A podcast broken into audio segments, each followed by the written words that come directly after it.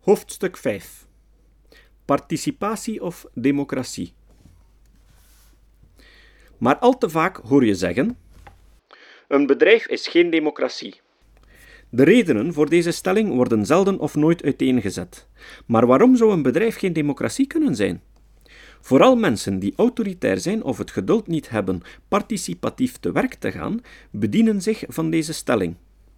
Nochtans is er heel wat research naar democratisch leiderschap gedaan. Het bestaat wel degelijk, en meer nog, het levert ook goede resultaten op.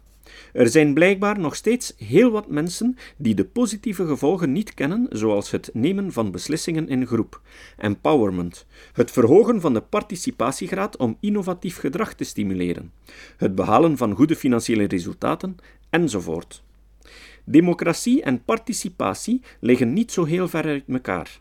De termen worden in de wetenschappelijke literatuur dan ook vaak onderling gewisseld.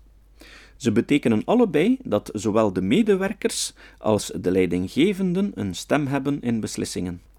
Er bestaan vele varianten om participatief beslissingen te nemen. De belangrijkste zijn consultatie, ook wel eens semi-participatie genoemd. De leidinggevende neemt nog steeds de beslissing na zijn medewerkers te hebben geconsulteerd. Gedelegeerde beslissingen. Sommige beslissingen worden aan een medewerker, een groep van medewerkers of een afvaardiging van medewerkers overgelaten. Voorwaardelijk gedelegeerde beslissingen. Hier behoudt de leidinggevende het vetorecht. Dit is bijvoorbeeld gebruikelijk in het systeem Workout van General Electric. De werkgroep mag aanbevelingen voor een beslissing doen, maar de leidinggevende heeft het recht om deze al dan niet te aanvaarden. Volledig gedelegeerde beslissingen. Maar de proof of the pudding is in the eating. Welnu, het democratisch bedrijf bestaat. Het bedrijf dat wellicht het meest democratische ter wereld is, is het bijna legendarische Braziliaanse bedrijf Semco.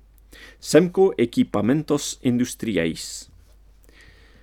Semco is hoofdzakelijk actief in industriële machinebouw, zoals oliepompen en grote industriële afwasmachines. Van 1991 tot 2005, 14 jaar, groeide het bedrijf jaarlijks gemiddeld 27,5% En het succes duurt voort. In totaal werd gedurende 25 jaar groei gerealiseerd.